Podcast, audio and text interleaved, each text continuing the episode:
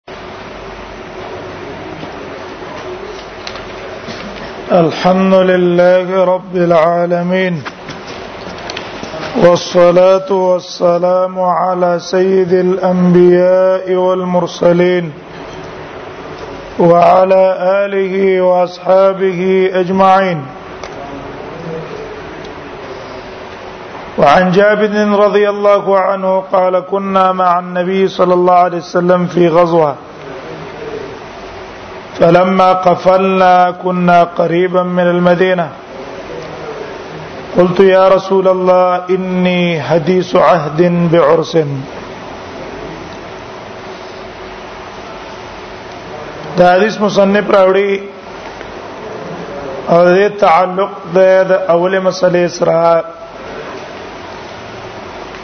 دغه مسلې سره بیان صفات الزوجه چې کوم صفات والا خزه کول پکار دي او کما نه دي کول پکار دا مسله بیان ہے په دې کې هغه دا دا چې ابکرن ام صیب سره چې خزه کوي نو حتی الوسع باکره کول پکار دی مگر هغه فواید احادیث کې رسول الله صلی الله علیه وسلم بیان کړي جابر رضی الله عنه وايي وې منګه د نبی صلی الله علیه وسلم سو فی غزوه په یو غزا کې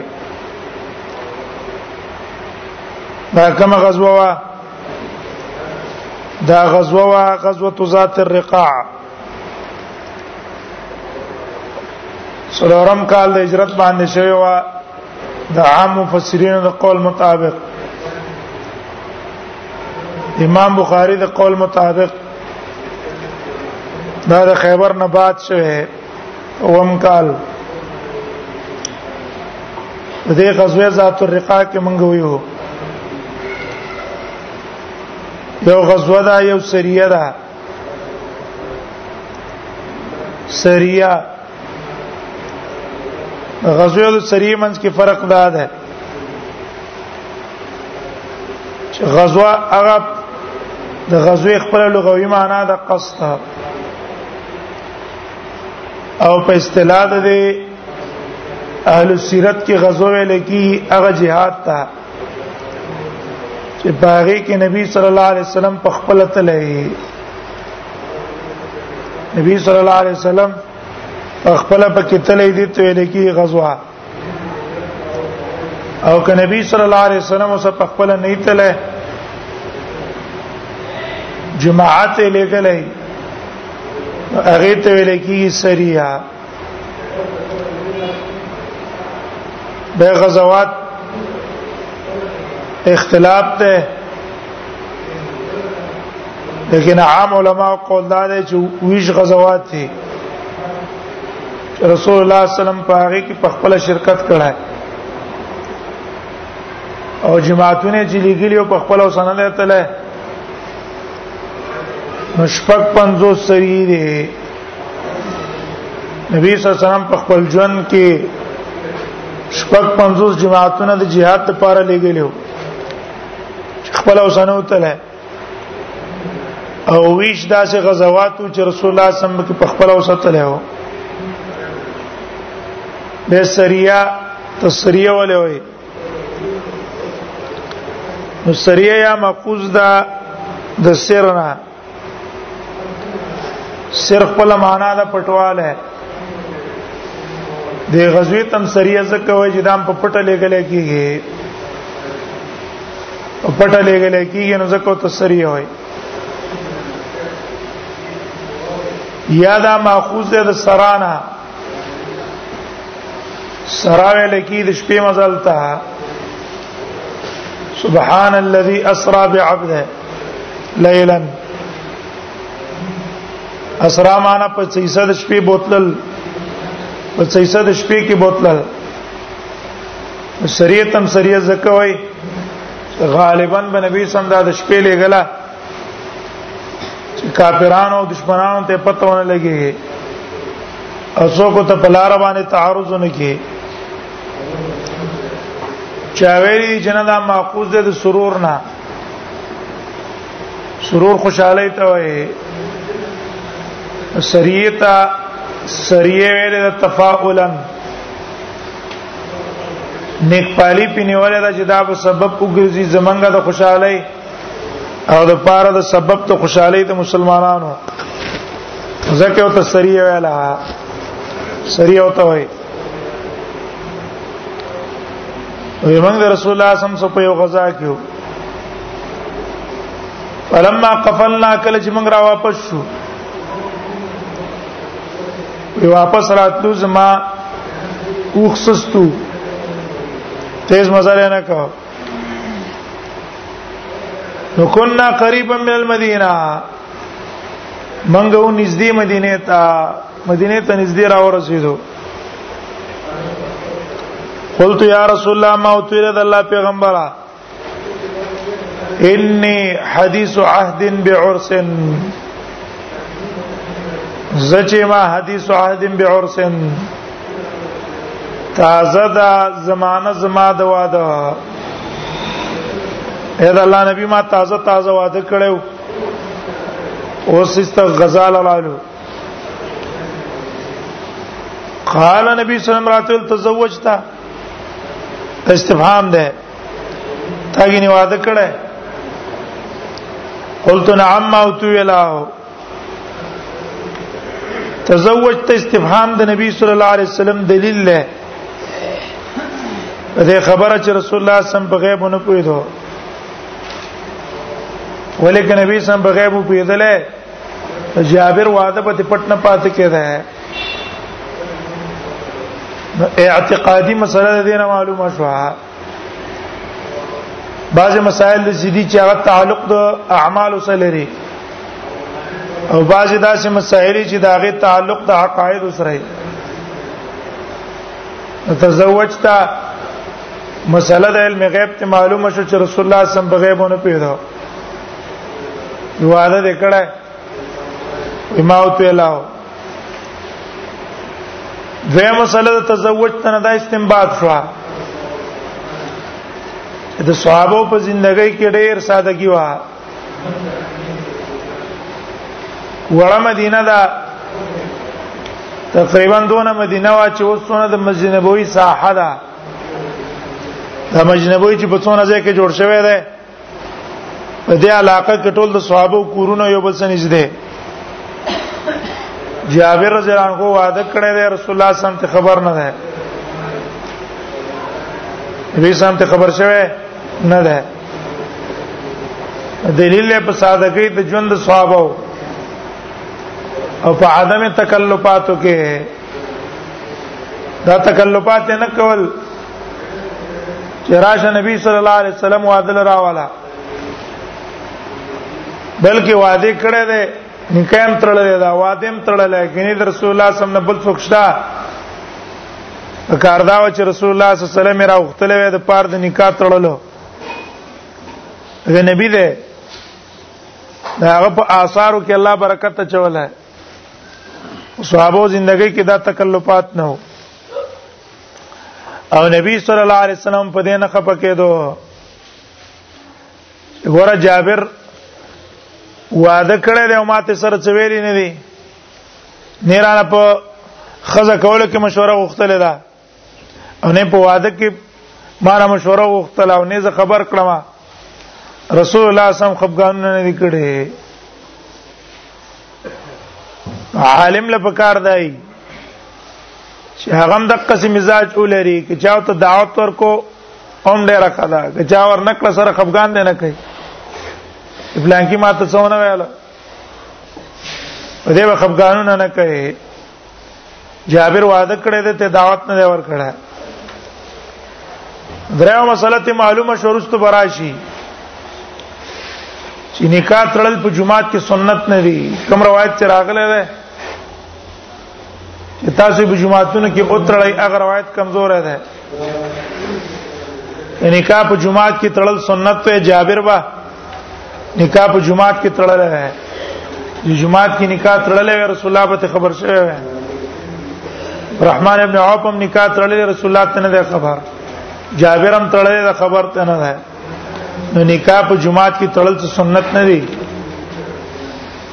ورکه چې کم ځای کې والته وتاړه کوم روایت چې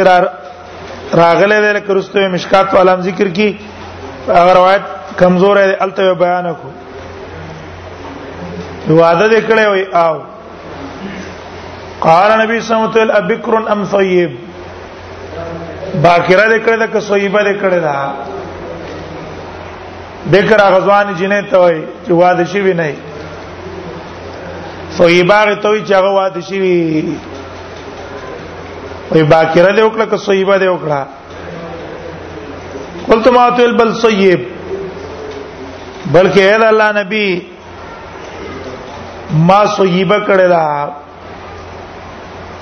او وجه تو خدلا اے الله نبی نبی سم تل اول ته ترغیب نبی سلام ورکو فهلا بکرن تلاعبها وتلاعبك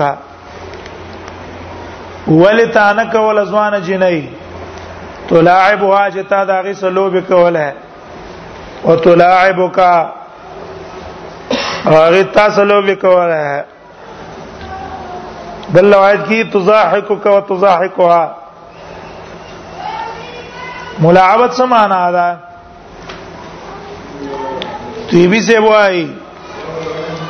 وی ملاعبه چې دا عبارت عن الالفه التامه دا عبارت ته د پوره محبت نه باخره به کړه وې دا هغه په پوره محبت ته تاسو راوې او ستا به دا هغه سره پوره محبت وې دا کنایه د الفت تامه نه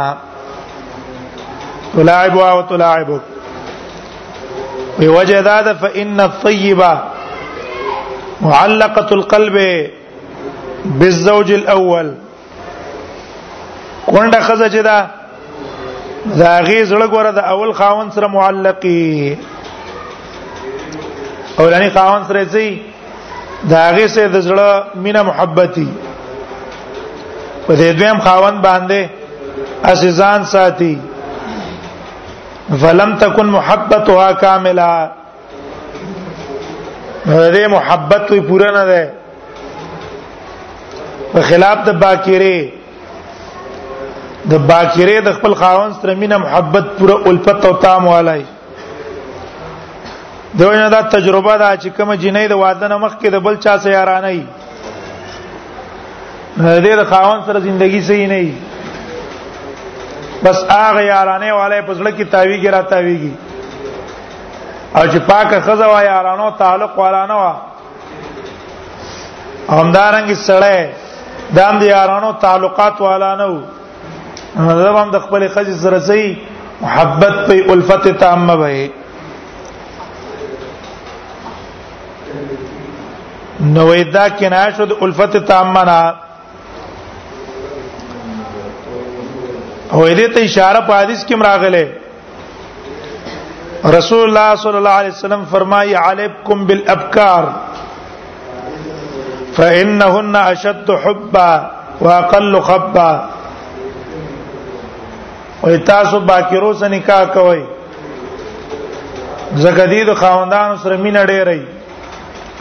او دوکو په چلونو باندې سره پويږي نه روایت ابن ماجه کې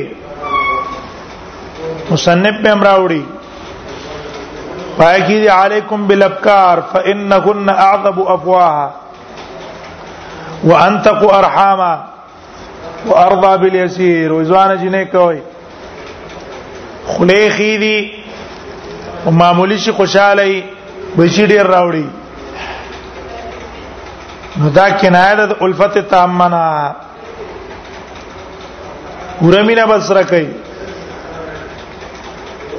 عام قصو کې مشهور دي هارون رشید زمانہ کې یو لیوانه تر شوی د بالول لوم باندې لیوانه نو ډیرو خيارو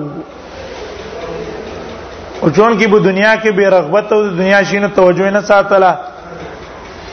دې دنیا پرستو هغه ته نسبت کو د لیوانه دغه دی وخت کې د مليانو ته چې کوم دین کې مصروف دي نو دا دنیا پرس خلکو ته څه وایي دا څنګه خبر نه دي دنیا د لذتونو دنیا د مزو او دې ژوند خبر نه دي خبر دي دنیا څه ده او مزه څه ده او راحت د دنیا څه شه ده هیڅ نه ده دا په عقل باندې دلالت تا کوي هارون رشید بد خپل څوکیدارانو ته ویلو وای کلم چې بالو لاتلو منکوي بیان ډایرک ما تر پرې دی زه تزما هر وخت اجازه ده کله باندې بالول کله کله براغه د هارون رشید خواته هارون رشید په د پوره مزاق کولو غب شپ ته وسه لګاو هارون رشید ته یو ورځ یو شی ولا ورکو د سرو زرو او ته ویل چې دا واخله لازمه طرف نه تاسو امانت ته او هغه چاته ورکه چې هغه ستانه سخت به وقوفي قمقله ستانه بل غړ قمقله به وقوف اغله بدا ورکه هر نشید کو غرض دا چې ستانه بل قمقل نشته دا واله تا هغه سید امیر المؤمنین ستاسو امانت به زه حقدار ته ورسوم دیو ته لږ وخت پس هارون رشید بیمار شو مرض الوفات گرفتار شو بالول ته چا ویل چې امیر المؤمنین نه خبرې کنه وای نه وی امیر المؤمنین خو نه جوړه دی بیمار دی او په مرض الوفات باندې گرفتار دی امکان یې دروغېدو نشته هغه الخا راغه څوکیدارانو خدای منه کاونه رانه نو تو ور نشید ته سلام وکړو سلام نه پستی ویل څنګه ویره بس سفر باندې روانه هغه په سفر ځای کله به واپس راځي هغه دې سفر نه واپسی نشتا هغه دې سفر نه واپسی په تنشتا سونا څوکیداران دی لګیلی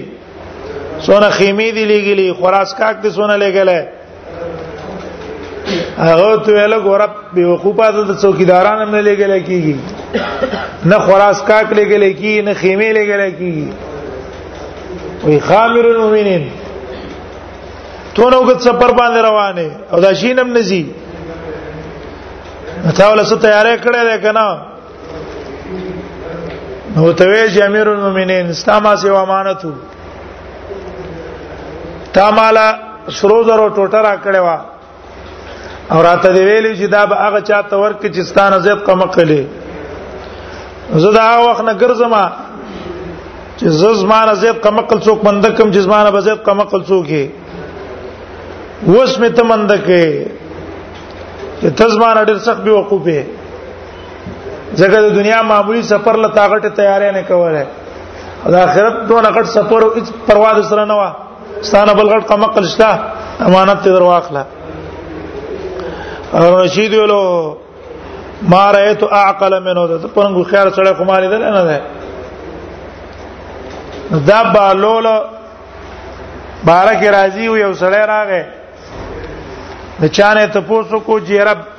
زما اراده د نکاح کولو د یو خزې سره او چې کوم صفات والا خزه وکما هغه ته له سیوکا چې تلاش د بالول څخه په دې باره کې مشوره وکا بالول د چې بالول لراغه وي د ماشومان سره لوبه کوله ماشومان کله چې کی په دې خو کې وکی ټانګې ټانګې کوي دم بس ما شومان سمنډه والے زه دا بالو لونیو او ته وی ویل چې زما اراده ده د واده څنګه خزا وکم بالو ته ویل یاد شي خزا کو چې ټوله ستای یا ټوله یاد شي خزا کو چې ټوله د بلی یاد شي خزا کو چې نیمه ستای نیمه د بلی او پرېلوي ټانګې را نه لاړشته ته منډه کړه سړی به پوره پینه شو واپس بالو لاغه به ونیو کوي ماته دې خبر وضاحت وکا هغه ته چې ټول استای ځوان خزا وکا تلاعبها وتلاعبك معنا شو کنه اب ټول استای غدین اور څه نه دی لیدلی او هیڅ خبره نه ده خبره دانا او ټول د بلی هغه کونډه وکا چې بچی د بل خاون نه راوړي دا ټول د بل لا ار وخت باغ زول خاون یادې کسره روړې ول نه ور کړی او لګې پریخي خدا بو یره بس هر شی به مال راوړو هر شی به راوړو جامع بهم راوړې خوراک بهم راوړو پلان کې بهم کو هر شی ډیرو هیڅ شی به سره نه په بس کوي هغه یادای لکه بخاری کې وته حدیث راشي حدیث د مزرع او مزرع دا بل خاون کړي ده دی بل خاون د عرش ور کړه وی کولی و میری اهل کې خورم خپل کور ته مړه او قسمه قسم نعمتونه ورکړه خو هغه وی چې راکه دا ټول لا جمع کما ما بلغ اصغر ان يتبذر دا بيزار کوټی لوخه ته نه رسیږي وسا غزوړ بیا د اراده اگر کروڑې مولا نه ورکړي ولګي هر وخت پریخي بابا یاد دا ټول د بل ده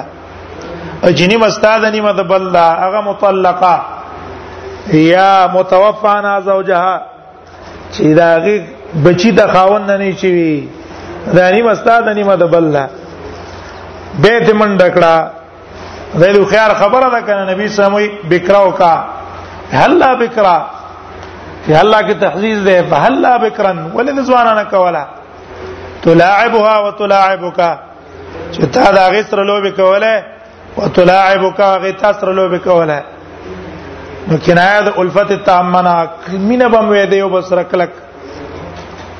به الله دغه معنا د تحزیز دا د وجوب نه دا چې ګنې صحیبی سره نکاح جایز نه دا صحیبی سره نکاح جایز نه روانه ده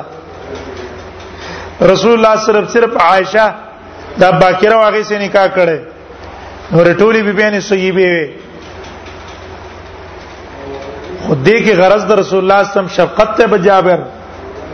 شفقت دیو جن جابر چې ته عذر پیش کو چې دا الله نبی ما دا صحیبه زکه کړي چې پلار مې په حد کې مړ شو او شپک خويند راته پاتې شوې ما ویل که زه د دې په شان ځوان چې او کما کې دې چې زما د خويندو تربيت له نکړې شي ما کونډه وکړه د لپاره چې دې ماشومان زما د خويندو څوک کی تربيت وکي نبی صلی الله علیه وسلم ته به دعا وکړه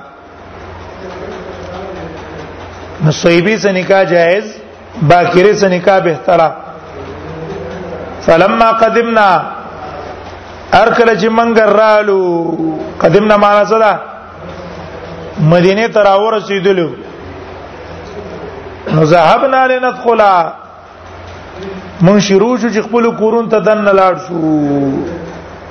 هر یو تن اراده وا چې خپل خپل کور ته لاړ شي د نبی سم سنت طریقه بداوا چې سفر نه برا واپس شو جمعات ته بتلو دوه رکعات په جمعات کې وکړو دا غې نه برستو به کور ته تلو وی رسول الله صلی الله علیه وسلم مونږ ته ویلا ام هلو انتظار کوي ام هلو معنا څه ده ام هلو اهلیکم ده معنا ده تاسو مولت ورکې خپل اهل ته سم دواره مو ورځي لکه صبر کوي رستو ورشي ولی وې مهلت خپل خذل زکه ور کوي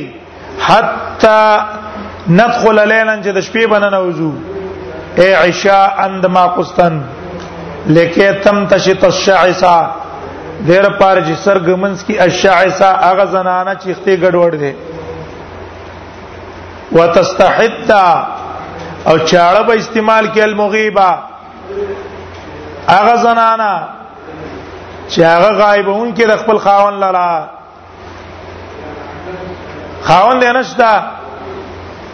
اکثر چې زنانه د زنا د خزي خاوند نه نو هغه ډول ډال او خایس نه کوي ځان پاکیم دونه پروا نه ساتي او د اختول ور کولو پروا نه ساتي د جامو لحاظ هم نه ساتي هغه ته په دقه سي ورشي او دا غیخت ګډ وړي دارنګ پاک نه وي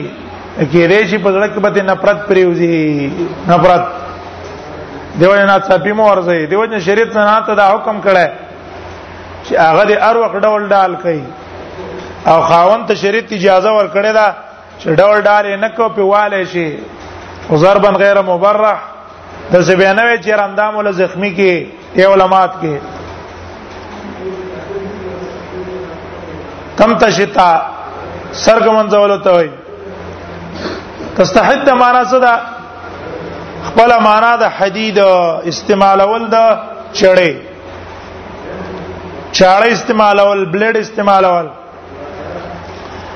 بیا زم کې دا کینه وي مقصود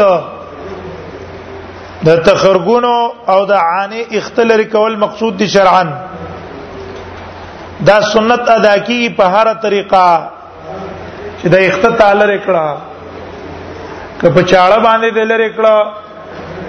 که په دوایانو ذریعہ باندې دلری کړه او که د ګوتو په ذریعہ باندې لری کړه او چې دغه زینا اختل لری کړی شو هغه سنت ادا شو هم به علما وایي چې چاړه استعمالول د خځې لپاره بهتر نه دی وایي دغه د چا چاړه سوي وختو ډیریږي یو او بل مضبوطواله دي ختو راځي وې داغه د پاره نطب غوړه ده خو سید دا چې رسول الله تستحد لفظ استعمال کو دا چاړه استعمالول څه شلو جیش که سړی خپل اختپاره طریقه لري کوي که خزه لري کوي دا جایز دي دارنګه د تخرګونو نه چې اختپاره ذریعہ باندې لري کړه هغه جایز دي متفقون علیه په دې حدیث تراشی اے عشاء ان د عشان قید ولا ولګاو عشان عشاء قید ولګاو د دې لپاره ودفه د وهم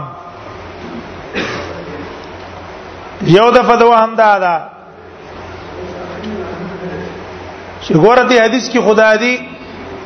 چې تاسو انتظار وکړئ حتا ندخل لیلا نو لیلن د شپې تر نه رسول الله منع کړی دا دلته چې څنګه دا حدیث ته د جابر دغه صدا حدیث د نقل له من طريق الشعبي عن جابر چې لا يترك احدكم اهله ليلا رسول الله صلی الله علیه وسلم فرمایي یو تن د خپل اهل ته د شپې نه راځي د شپې دی خپل اهل ته بنه راځي وګوره د حدیث ته معنا رااله چې د شپې د سفر نه رااله کور ته بنځي او دلته په حدیث کې رااله چې ودرېږي اوس مزه یې ورګه ما خوستن چې د شپې بننه وځو نو دا قید یو ول اولګو ای عشاء د پاره د دفي دغه تعرض چې کوم حدیث کې من راغلی دا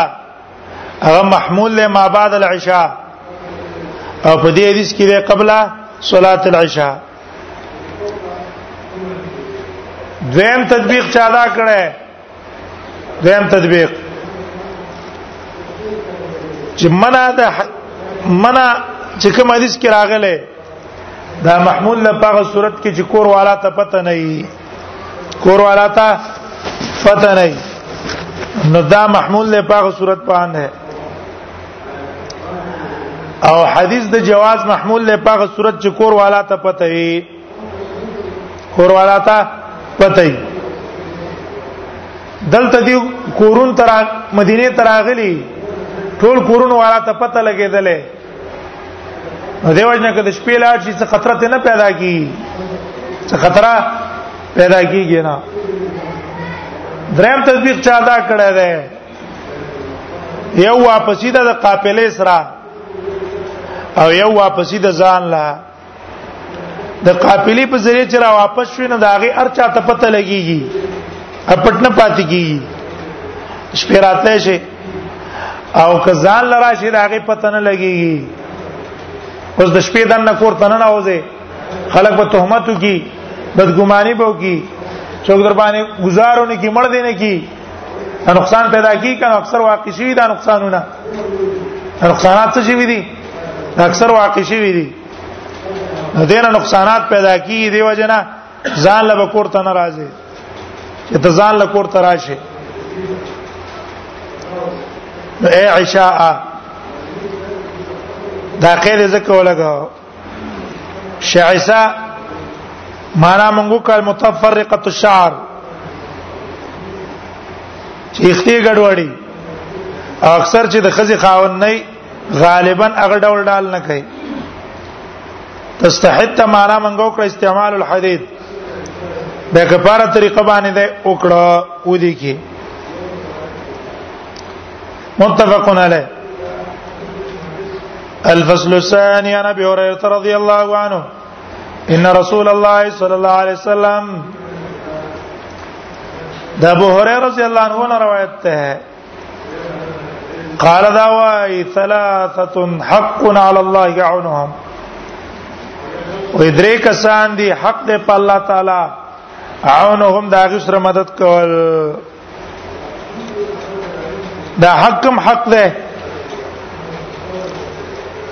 یو مذهب ته د سنت الجماعت تاسو ویل بل مذهب ته معتزله ده معتزله مذهب دا ده چې اصلح للعبد په الله باندې واجب ده اصلح للعبد په الله باندې واجب ده کوم یو شي کې د بنده خیری په الله لازم دي چې دا به ته تور رسي دا به تور خي د اهل سنت والجماعت مذهب ته دی چې په الله وجوب او لزوم نشتا الله وجوب او لزوم نشتا اهل سنت والجماعت معنا دلته کې حق علی الله حق په معنا د سره ثابت عند اعانتهم ثابت ته د الله په نسبت دي دی مدد یا حق په معنا د واجبونو کا خدا وجوب پس ده به مقتضا وعده الله وعده کړی د اعانت د دې وعده په تقاضا په الله باندې سړي واجب دي چې دې سره بس کوي تعاون بکې ان الله لا يخلف الميعاد الله په وعده کې مخالفت راځي نه و دې درې کسانو سره الله تعاون مدد کوي المکاتب یو هغه مکاتب ده یرید الادا چې د اراده و د ادا دیو کې غلامان نشتا او خو غلامانو نو غلامانو کې یو ته به قن ویلو بل ته مکاتب ویلو بل ته به مدبر ویلو قن خالص غلام ته وي خالص چې نه یو ته دا ویلی چې دونه پیسې مال راکړه زه به آزاد کړم او نه یو ته دا ویلی چې زما د مرګ نه بعد به ته آزاد دته به قین ویلو خالص دا په حیثیت نه مالو دې مالک کخوخه وخرڅ به کو ته ساتو به ساتو به او مالک بمړ شو په میراث کې به ورثو ته پاتې شو دویم نمبر مکاتب ده مکاتب دغه غلام ته ویلو چې مالک برا اولګې دلو یو غلام ته به ویل ته مالا دولک یا درې لک روپۍ را لراکا چې کله تا پیسې ما لراکړې زبتا آزاد کم زبتا آزاد کم د چې اوس د 2 لک روپۍ ګټي دا 2 لک روپۍ اصل کې د مالک دی ولې غلام چې کم ګټه کوي او لاس ته څه پیسې راځي دا د چای دا مالکی خو مالک سره د احسان کو چې زماله مزدوری مرا کوا په یو ځل جمع کا او مالوی په یو ځل راکی زبد آزاد کا دته ویل کی مکاتب د مکاتب چې کله پیسې ورکړي نو پس د اعداد پیسو نه بد آزادیږي دریم نمبر مدبر ده مدبر هغه ته وای چې مالک را اولګي خپل غلام ته وای چې زما د مرګ نرستو به آزاد ہے اعتقتک عن دبر مني ما د مرګ نه ته آزاد کلم چې دا مالک مړ شو دا غلام به آزادېږي دلته المکاتب هغه مکاتب چې اراده د ادا ده یو سړي اراده د ادا چې راځه دې خپل مالک له پیسې ورکوم د دې مکاتب سره به الله تعاون او مدد کوي دویم کس چې الله به دا سره مدد کوي الناکح الذي يريد العفاف هغه نکاح کوونکې چې د اراده و د پاکي ته غرض د زنا نه څه شمه زه د زنا نه بچم اراده د پاکي نو که په د باندې په دې وعده کې کم قرضونه رال یا سره پیسې نشتا الله به سره تعاون او مدد کوي دیو نه پښتو کې مشهور ده کنه پښتانه وای چې را د وعده پیسې الله څخه کوي اخلاصي اصل کې دي نه راستلې دي چې الله به سره تعاون او مدد کوي او که غرض یې څو یرید العفاف ذل خرچه نه باندې کې بزل خرچانه ته کې دا وزن ډېر غټ کې سامانونه غټ اخلي اخلي په بل او را لګيږي هغه شي نه اخلي چې هغه ته سره ضرورت نشته ده ابانه کې اخلي په بل بل واسطه نشته بل ته تما سره تعاون وکا او تعاون کې ځان ډبل بیٹ اخلي ډبل بیٹ ته ضرورت ده ډبل بیٹ ته ضرورت نشته کاره دا څه چې واخله چې به ضرورت دې پوره شي په پیسې پیسې را لوي کا په پیسې څنوي د پردې پیسو باندې رقم کوا چې تا غشینه او سواخل چې سر ضرورت ته څنې ته یې رزد د خانان سزان سمو د خانان سزان نه سموا خپل پنځه سو هغه برابر کا خپل څادر سره خپل برابر کا ته وست کې د ډېر قضا کې وست نه کې بس گزارې والا شی والا الذي يريد العفاف هغه نکاح کون کې چې هغه اراده و د عفت اول مجاهد فی سبیل الله او هغه کس الله په لار کې jihad کوي دې سب الله تعاون مدد کوي ټي بي سه به وای چې ګور دلته نبی صلی الله علیه وسلم یو ثلاثه حق علی الله عونهم دا صيغه استعمال کړه دا ول استعمال کړه وای دا دیو جنا چې دا درې وانه کارونه د شي کارونه دي چې دا انسان باندې ګران دي او د انسان ملا ماته املا ک الله سره مدد او تعاون نه کی دا یو کارم په غیر د الله د مدد او په غیر د تعاون نه کیږي ولی ځان خلاصول د غلامای نه او پیسې پیدا کول ګران کار دی چړی ملا ماته دارنګ jihad کول د دا کوپارو صدا ګران کار دی بیا په دې ټولو کې وي اصحابها العفاف په دې دوا دریوانو کارونه کې ګران کار د پاکي د پاکي لانه قمع الشهوه الجبليه المركوزه زکه دی عپاب سره تاغه کم شهوت چې الله تا کی خیره فطری طاقت څخه هغه ختمه تکشوا وهي مقتضى البهيميه او دا شهوت دا د حیوانیت سره تعلق لري حیوانیت سره چې دا غیر د وجنه انسان ډېر کته ځي کنه اسفل السافلین ته بلاړ شي ټیک شو نو ځکه دا ذکر کړه نو په دې حدیث کې غرض څه شو غرض په دې حدیث کې دا ده چې رسول الله صلی الله علیه وسلم امت مؤمنانو ته زیره ول ورکو چې ټیک د تا ته وعده کول بګرانی سخت وي او مشکل وي د تا لیکن الله به تاسو سره تعاون او مدد پدې کې کوي پروا مساته د دریوانو کسانو ته په دې حدیث کې غرض سره تسلی ورکول مخاطب تم تسلی ورکړي چې الله به مدد کوي او وعده والا تم تسلی ورکړي چې الله به سره تعاون او مدد پر سره کوي رواه ترمذی او نسائی او ابن ماجه